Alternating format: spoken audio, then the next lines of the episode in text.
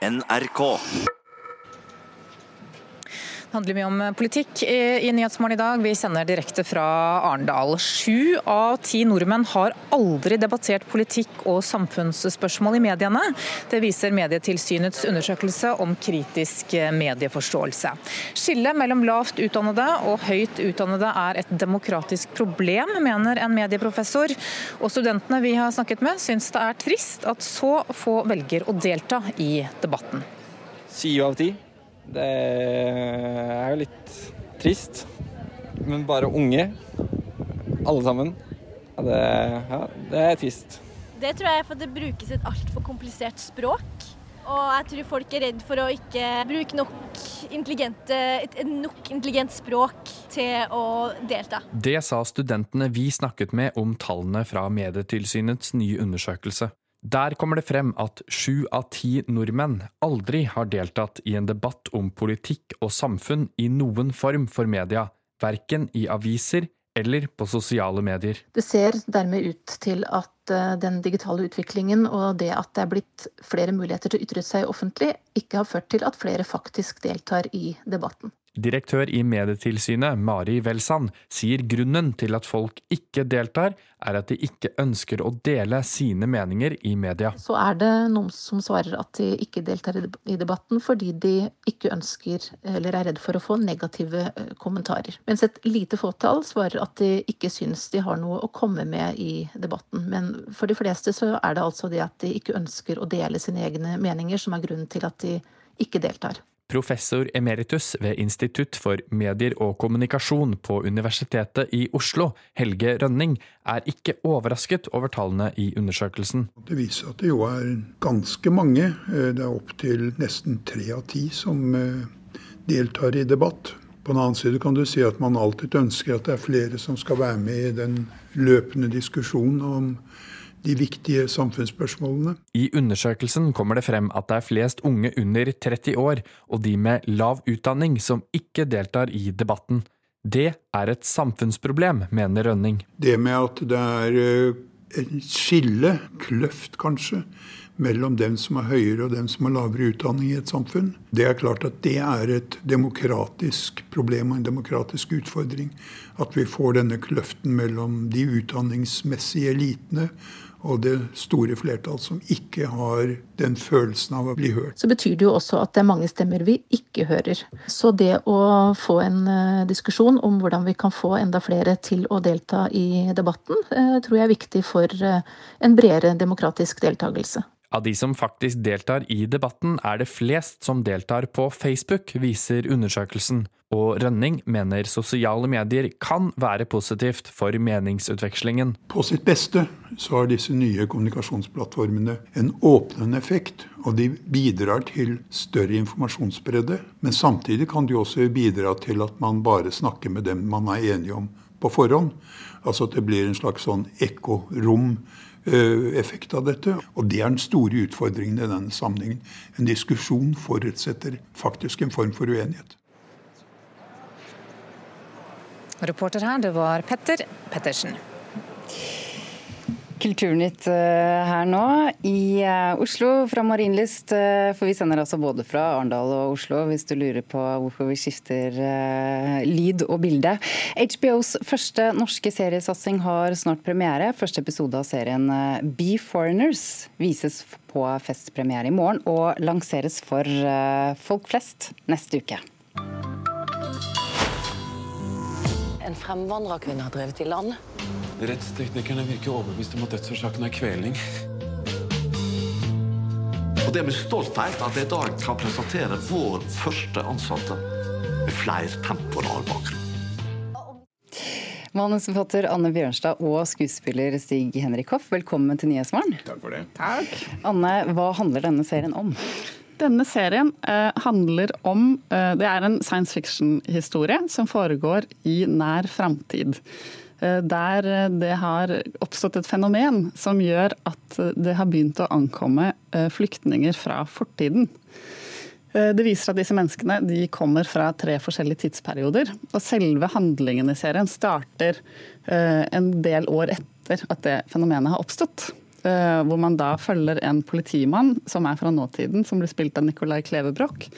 Som har fått livet sitt snudd opp ned av det som vi kaller fremvandring. For dette er jo ikke innvandring, men da fremvandring.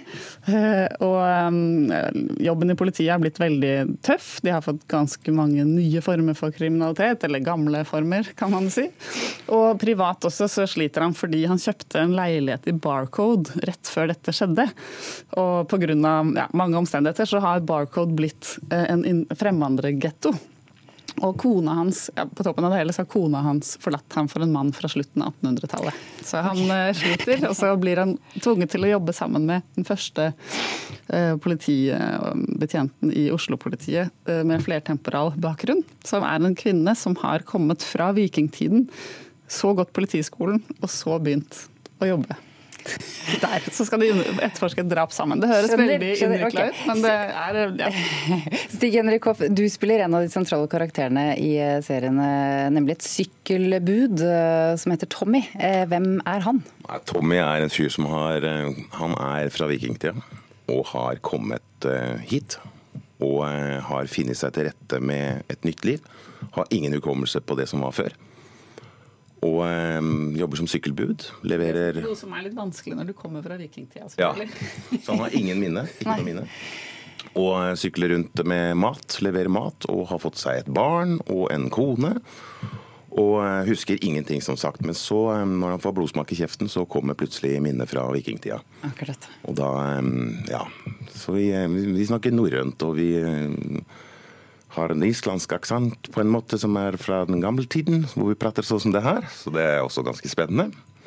Stemmer det at dere også har eh, i arbeidet med serien utviklet eh, et eget steinalderspråk i samarbeid med språkforskere? Ja, altså i, i, i serien så viser det seg at de, de, som ankommer, kommer fra tre uh, distinkte tidsperioder. De kommer fra steinalderen, vikingtida og slutten av 1800-tallet. Og ganske tidlig så bestemte jeg og Eilif Skodvin, som eh, jeg har serien, skapt serien sammen med, og eh, regissør Jens Lien oss for at vi ikke skulle ta noen snarveier. Eh, og det innebar jo at vikingene snakker vikingspråk. Altså de snakker norrønt sånn som sånn som vikinger snakka den gangen. Så godt vi har kunnet gjøre det. Og vi har også lagd et språk i samarbeid med de samme forskerne på Universitetet i Oslo eh, for, viking, nei, for steinaldermenneskene. Eh, kan vi få noen smakebiter av hvordan dette høres ut, eller? Det, det kan du. Eh, det eneste jeg har liksom sånn for hånden er For i dette universet så er det jo ingen som er opptatt av innvandring lenger. Nå handler jo alt om fremvandring, fordi integrasjon blir liksom en helt ny skål når man har disse motsetningene. Sånn at eh, Eksempelet jeg har med, det er fra en, en eh, holdningskampanje i Beforeigners-universet, som da handler om å bekjempe tidsisme, som er liksom det det alle er opptatt av. så på norrønt så, så, blir da stopp tidsismen, det blir stodvatid hotahatrit. Akkurat. Mens på, på steinalderspråket ja. så blir det jomorg harampai. Okay. Ja. Jeg var morgenskoleelev i Philadelphia. veg fellig dan niding. Hva, hva, var det? det? Det har du skrevet. Ja, ok, jeg skjønner. Jeg må bare spørre, hvordan, hvordan, har det vært å jobbe med en så stor uh, aktør som HBO? Det har vært uh, veldig, veldig gøy. Uh, det som, er, som kanskje har vært det mest spesielle, er jo at HBO er en aktør som ikke bare aksepterer kunstnerisk risiko, men som er veldig opptatt av å oppmuntre det. Så de er eh, glad for eh, nyskapning. Eh, vi tenkte kanskje at denne ideen var litt for spesiell, men de var mer sånn nei, dette høres veldig nytt og annerledes og spennende ut. Og har oppfordra oss til å gå den veien ideen har tatt oss, uten å skjele til noe annet enn hva som kan gjøre serien mer spennende, underholdende og Nettavisen mener at uh, dette fyller uh, tomrommet etter Game of Thrones. Uh, hva sier dere til det? Da jubler vi. Ja, eller jeg, jeg sier hjelp. det, er litt, det er litt, veldig skummelt å bli sammenligna med Game of Thrones, men det er jo ekstremt smigrende å bli liksom nevnt i samme åndedrag som eh, verdens mest eh, populære TV-serie, selvfølgelig. Det som er kult, er at det er ekstremt bra univers som er blitt laga her. Så det er kjempegøy å være med på, og det er gøy å se på. Er, altså, da jeg fikk manuset, så var jeg allerede helt uh, det var så gøy å lese manuset. Og det er ikke alltid det er, altså. Da får vi se hvordan dette blir mottatt blant eh, folk. Manusforfatter Anne Bjørnstad og skuespiller Sig Henrik Hoff, takk for at dere kom til Nyhetsmorgen. Det er altså sånn at HBOs første norske seriesatsing har eh, premiere snart. Første episode av serien Be Foreigners vises på festpremiere i morgen og lanseres for eh, allmennheten neste uke. Da skal vi eh, se på filmhøsten. Snart er det høst. Det betyr at eh, en rekke nye norske filmer kommer på kino. I dag presenteres de 16 norske filmene som skal rulle over kinolerretene de neste ukene. NRKs filmanmelder Birger Vestmo, er det noen fellestrekk eh, med disse filmene?